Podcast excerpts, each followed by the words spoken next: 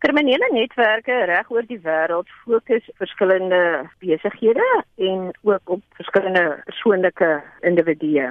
As ons byvoorbeeld kyk na kriminele netwerke van Russiese oorsprong, is hulle baie gefokus uh, rondom geld. Met ander woorde, hulle sal sagteware skryf en virusse ensovoorts wat jou banke gaan teiken. Of hulle teiken uh, mense wat jou aanlyn bankdienste doen om te kyk of hulle dan toegang daartoe kan kry om daai geld te dan te kry die ou Chinese en hierdie Westerse netwerke is baie gefokus rondom die intellektuele um, intellectual property van besighede. So hulle fokus daarom om geheime van jou besigheid in die hande te kry en dit te gebruik om te verkoop of dan ook om dit self te produseer baie van die kleiner netwerke ons sien hulle ook in Suid-Afrika waar baie geld gedrywe is. Hulle sal toegang tot jou bank hê of hulle wil toegang hê tot jou e-pos sodat hulle dit dan kan gebruik om weer toegang tot jou ander platforms te hê. Nou van 'n individu se kant af is daar natuurlik van ander tipe gevare in die kuberruimte. Jy moet altyd maar probeer om jou inligting veilig hou. Nou hoe doen 'n mens dit? Basiese beginsels is maak seker as jy op sosiale media is om nie sensitiewe inligting te deel. Byvoorbeeld nie sê jy gaan vandag op vakansie nie, dan weet almal maar jou huis is nou leeg. As jy die sitskameras vir jou huis installeer, as jy toegang tot daai kameras het via die internet, dan kan iemand anders ook toegang daartoe kry. Dit maak seker daar sekere wagwoorde wat daarin is. As jy verskillende aanlyn platforms het, jy jou wagwoorde wat jy aanteken neem. Jy moet jou wagwoord gereeld verander. Gewoonlik is dit na 'n 30 dae periode en jy moet ook nie dieselfde wagwoord gebruik by verskillende platforms. As jy op jou sosiale media insleutel, dan het jy een wagwoord daarvoor. En as jy op jou bank insleutel, het jy 'n ander wagwoord daarvoor. En maak seker dat jy daai inligting beskerm. Ek weet van iemand wat 'n boekwinkel het en hulle het Desember maand verlede jaar haar inligting gekaap en gesê hulle soek 1 Bitcoin.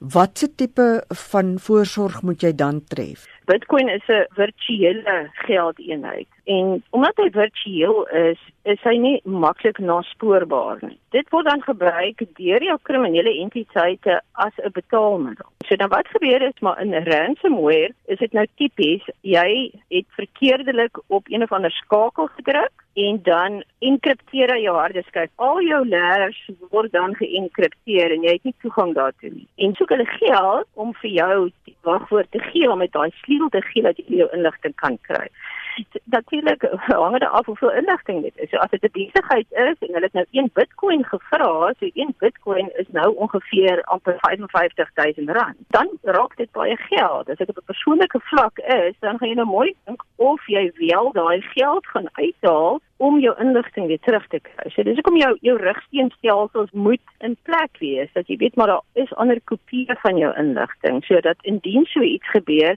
dat jy met die minste effek weer kan terugkom en en jou inligting het. Dis 'n risikobestuur. Jy weet ons bestuur risiko elke dag in ons lewe. Ons moet dit net doen vir ons kuberveld ook. Dink jy dat 'n maand soos Oktober maand wat nou kuberveiligheid maand speel 'n rol om bewustheid te kweek? Ek dink tog so. Ek dink dit ons moet dalk meer doen. Veral van die regering se kant af moet daar meer gedoen word om hierdie kubersekuriteit ding aan te spreek. Byvoorbeeld ons het nou nog nie ons nasionale strategie in terme van kubersekuriteit nie. Dis nog nie op die tafel, dis nou al so 6 jaar later wat dit al moes gedoen het. Dit is omdat dit vir my van onder af gedryf. Daar is verskillende entiteite wat probeer om meer sin te maak van hierdie veld en mense te waarsku en mense te help om hulle self te beveilig. Maar daar is nie 'n dryf van bo van 'n nasionale vlak af waar hulp kan kry en waar hulle regtig help om mense te beskerm. So watter departement sal verantwoordelik wees hiervoor? Daar is 'n cyber command wat deel is van die regering maar hulle is maar nog aan die bou. Jy daar is maar 'n paar mense wat ons bewus is van wat na die veld werk en hulle doen maar nog baie opleiding. Hulle is nog nie in 'n plek waar hulle regtig kan 'n bydrae lewer nie want hulle is self nog nie opgelei.